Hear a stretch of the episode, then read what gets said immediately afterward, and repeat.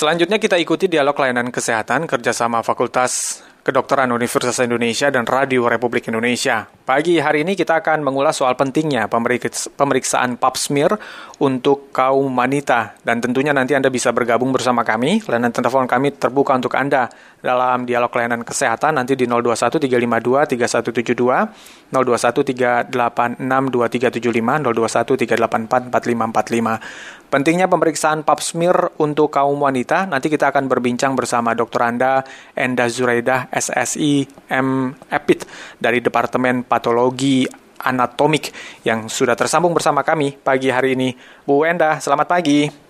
Ya, selamat pagi Mas Iwan. Kabar ya. sehat Bu Enda? Alhamdulillah, salam Alhamdulillah. sehat semua ya. Salam sehat uh, Bu Enda. Bu Enda, pentingnya pemeriksaan pap smear untuk kaum wanita. Apa pentingnya Bu Enda? Ya, baik. Sebelum kita uh, apa namanya menjawab apa sih pentingnya mungkin sedikit saya singgung ya tentang yeah. apa sih itu takmir ya. Oke. Okay. Ya, rasanya sih mungkin uh, seluruh Indonesia, uh, seluruh wanita di Indonesia ini sudah sering mendengar istilah takmir. Yeah. Takmir itu adalah suatu prosedur atau pemeriksaan yang dilakukan itu untuk mendeteksi adakah uh, kanker leher rahim atau kanker serviks pada wanita. Jadi pada pap smear itu atau, atau pada tindakan pap smear itu nanti kita dapat menemukan sel-sel sel-sel uh, apakah dia sudah pada tahap abnormal atau yeah. sel prakanker di leher rahim wanita yang nantinya bisa itu berkembang menjadi kanker. Nah, pap smear dilakukan uh, dengan cara mengambil sampel sel yang ada di areal serviks wanita. Oke. Okay.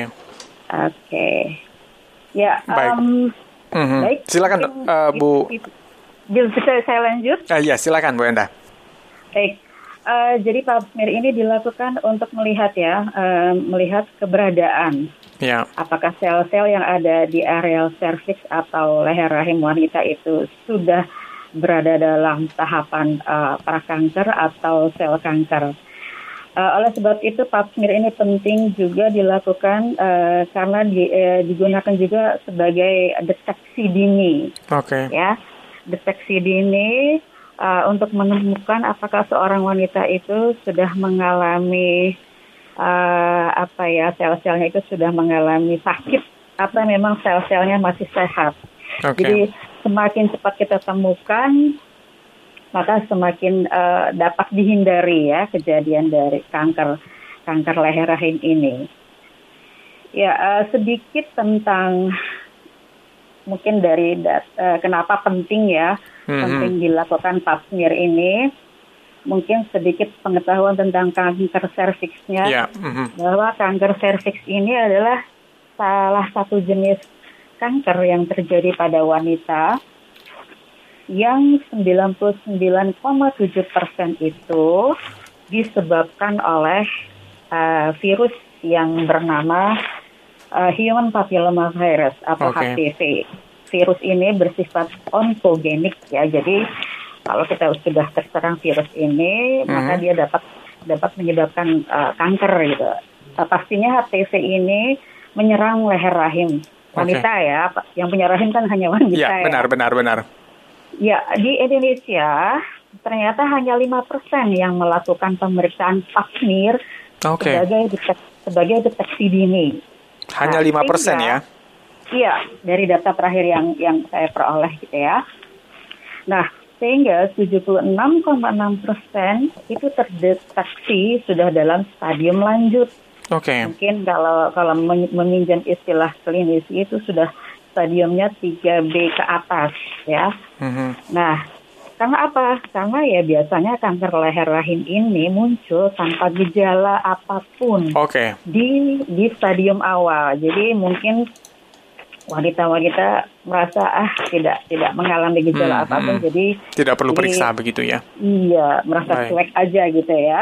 Bu Enda, kapan ya. kita sebaiknya mulai memeriksakan? Dari usia berapa? Ya, baik. Se, uh, sebetulnya pap smear ini sangat-sangat dianjurkan dilakukan uh, pada wanita yang sudah menikah atau yang sudah aktif melakukan hubungan seksual. Oke. Okay. Tapi uh, kalau kita bicara angka, um, sebagian besar uh, peneliti atau ahli di dunia itu menyarankan dilakukan pap smearnya itu pada usia 21 tahun. Oke. Okay. Tapi tidak menutup kemungkinan di usia du, di bawah 21 tahun kalau si wanita sudah menikah, yeah. itu sangat dianjurkan atau wajib melakukan tes pap smear ini untuk mencegah kanker serviks ya atau kanker leher rahim. Tapi kenapa baru hanya 5% ya eh, Bu Enda? Apakah karena takut? Apakah karena biayanya mahal atau seperti apa Bu Enda? Iya, dari pengalaman saya waktu uh, pada saat mengambil smear pada wanita, saya ada juga bertanya kepada mereka. Ya. Mungkin faktornya adalah satu uh, malu ya. Kenapa malu? Malu. Ya, ini kan karena yang diperiksa organ intim okay, ya. Oke, ya. Mm-hmm. Ya. Kemudian yang kedua mungkin takut. Saya hmm. rasa kalau rasa takut ini mungkin ya namanya juga sebagai deteksi dini, yeah. tapi nanti mm-hmm. tiba-tiba hasilnya yang di luar dugaan okay. gitu ya. Mm-hmm. Kalau dari segi biaya, saya rasa memang kalau untuk di Jakarta sebetulnya di berbagai uh, fasilitas kesehatan ya ada apa jenjangnya sih. Ada yang uh, biayanya sebetulnya untuk masyarakat menengah ke bawah gitu. Okay. Tapi kalau sudah masuk ke rumah sakit, apalagi rumah sakit swasta mungkin yeah. mungkin biayanya itu ya untuk menengah ke bawah agak agak mahal gitu Oke, ya. nanti saya akan tanya berapa biayanya Bu Endah. Tapi ditahan dulu ya Bu Endah, kita jeda Baik. sebentar, kita simak dulu sekilas informasi dari uh, ruang gatekeeper. Ya baik, silakan. Kilas Berita. Menteri Kesehatan Budi Gunadi Sadikin mengatakan bahwa hasil laboratorium pasien suspek monkeypox atau cacar monyet yang berasal dari wilayah Jawa Tengah belum dapat diketahui. Hal tersebut dengan melihat adanya tes berupa genome sequencing yang membutuhkan waktu 3 hingga 5 hari untuk mengetahui apakah suspek terinfeksi cacar monyet ataupun cacar biasa. Untuk informasi ini dan informasi lainnya pendengar dapat mengakses di laman resmi kami rri.co.id.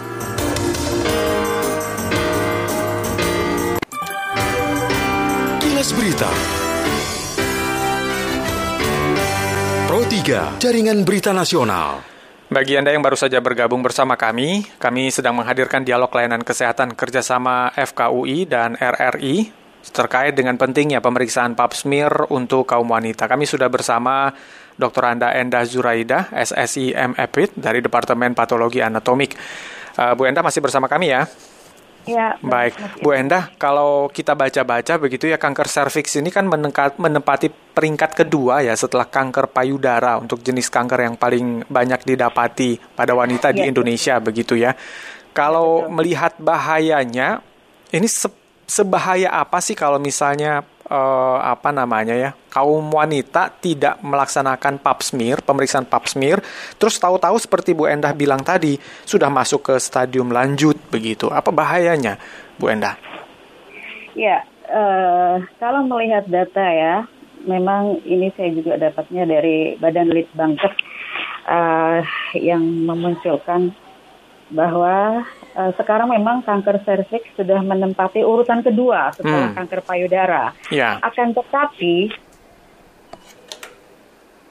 menjadi uh, masalah besar di Indonesia ya, karena uh, artinya tidak tidak tidak boleh diremehkan. Yeah. Karena dua jenis kanker ini uh, apabila ditangani dengan terlambat gitu ya, mm-hmm. uh, bisa berujung pada kematian dan okay. itu tidak lama. Maaf kalau saya sebutkan tentang Proses kematian. cepat begitu ya prosesnya ya?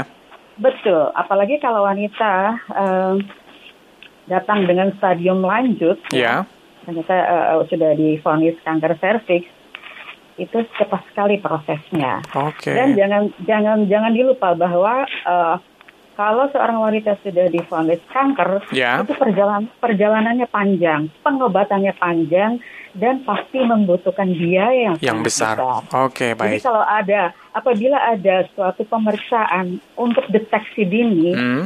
kenapa tidak kita gunakan yeah. fasilitas itu untuk mencegah? Baik. Dengan mencegah, kita juga membantu pemerintah kan untuk yeah. mengurangi kejadian kanker serviks. Baik.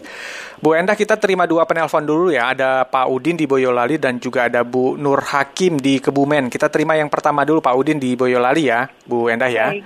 Baik. Ya. Pak Udin, selamat pagi Pak Udin. Selamat pagi, Assalamualaikum warahmatullahi wabarakatuh. Waalaikumsalam. Silakan Pak Udin. Ya, Ibu Dokter Endah, Departemen Analogi Anatomi. Iya. Saya takmir ya. Iya. Nah, kata dari katanya saya ini baru dengar nih. Baru dengar ya Pak ya? Iya, baru dengar. Oke. Saya yang ini adalah penyebab konkret eh, kanker pada wanita tuh apa Bu? Nah, cara pencegahannya kayak gimana? Diberikan terima kasih. Oke. Terima kasih Pak Udin penyebab dan e, cara mengatasinya begitu ya. Kemudian ada Bu Nur Hakim dari Kebumen. Bu Nur, selamat pagi. Halo, pagi. Halo, selamat pagi. Eh, salam sehat, salam tangguh, Salam sehat. Indonesia Jaya, Indonesia maju untuk Baik. seluruh kru RRI. Terima kasih. Jakarta. Baik, baik. Yang terhormat, eh, Bung Iwan Puna beserta Ibu narasumber, Ibu Ya. Dokter Endah ya, Ya. semoga dalam keadaan lindungan Tuhan Yang Maha Esa. Begini Ibu narasumber, Ibu Dokter, pertanyaan kami, trik-trik apa sajakah yang untuk menanggulangi penyakit tersebut untuk yang lebih dominan? Oke. Kemudian yang kedua, apakah benar kalau adanya kanker leher tersebut biasanya atau tergantung pada seorang wanita atau ibu rumah tangga yang sering menahan-nahan emosi perkataan yang tidak bisa disampaikan Oke. kepada suami Baik. atau pada orang lain. Ini maaf. Sekian terima Ya, kasih. baik, baik. Terima kasih. Sekali mengudara tetap mengudara. Baik, Bu merdeka Nur. tetap merdeka. Assalamualaikum Waalaikumsalam warahmatullahi wabarakatuh. Bu Nur Hakim di Kebumen. Silakan eh, Bu Enda bisa ditanggapi. Pak Ya, Udin baik. dulu. Eh, Mm. Ya sebelumnya saya terima kasih sama Ibu Nur Ya. Hakim nih. Beliau beliau sangat aktif kemarin Benar, juga benar. me- mendengarkan. Salam. Tapi ini yang menarik Pak Udin ya, bahkan belum pernah dengar pap smear. Iya. Mm-mm. Ya, eh, saya jadi bertanya kalau Pak Udinnya belum pernah mendengar, apakah istri Pak Udin Nah. sudah pernah mendengar? Iya, gitu harus ya? didiskusikan itu ya Bu Endah ya.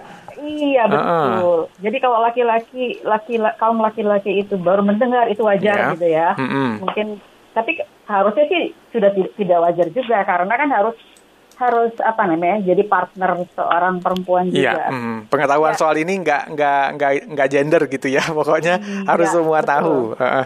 Betul. Ya, saya rasa sih sebetulnya eh, eh, ya untuk Kashmir ini kan sudah masuk ke dalam ke, ke pelosok ya, ke Ya. pelosok wilayah Indonesia. Kashmir ini kalau dari istilahnya sendiri adalah eh, pap dan smir. Smir itu apusan ya, apusan. Pap itu nama nama orangnya atau nama ahlinya atau nama penemunya ya. eh, Papa Nicolau atau George Papa Nicolau. Maka di- disingkat supaya mengenang penemunya jadi Papsmir. Jadi Ya. akusan atau akusan pap atau sediaan apus. Kenapa sediaan apus? Karena eh, pada papsmir yang kita lakukan tuh apa? Yang kita lakukan adalah mengambil ya, mengambil eh kalau kita bilangnya secret atau lendir ya, Oke. yang ada di daerah eh, vagina sampai terus ke kanal kanal cervixnya perempuan Ya, atau leher rahimnya. ya, Jadi serv, eh, apa namanya lendir atau getah serviks itu kita ambil, ya, nanti kita buat akusan di atas eh, kaca objek ya atau objek gelas. Setelah kita buat akusan, lalu kita masukkan ke dalam alkohol untuk fiksasi sampai di situ dulu nanti baru dikirim ke lab. Oke. Gitu.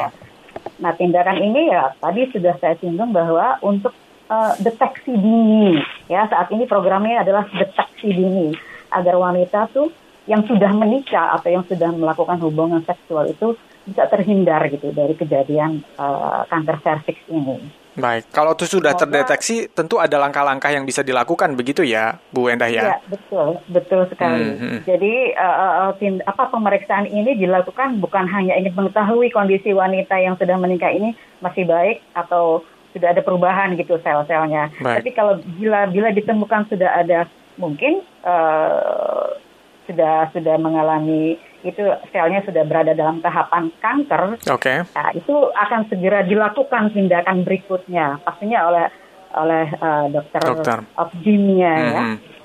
Baik. Ya. Tadi Bu Nur Hakim juga nanya, apakah ada kaitannya begitu kalau eh, apa namanya yang mengalami kanker serviks itu dengan yang Emosi ya? emosi begitu, nahan-nahan emosi kemudian bang gitu.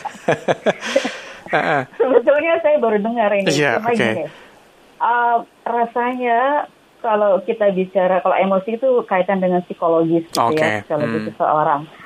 Emosi ini bukan hanya memengaruhi pada uh, kanker serviks saja, tapi untuk semua semua penyakit saya rasa ya, uh, Hmm, hmm. asumsi saya bisa juga uh, ada andilnya gitu Oke. ada andilnya menyebabkan seseorang itu sakit gitu ya, Ya. bukan hanya kanker saja, tapi sekali lagi saya ingatkan bahwa penyebab pasti ya Mhm. eh, oleh para ahli dikatakan penyebab eh, pasti ya eh, dari kejadian kanker leher rahim ini adalah virus ya, virus yang yang namanya itu tadi human papilloma virus atau HPV. HPV tadi ya.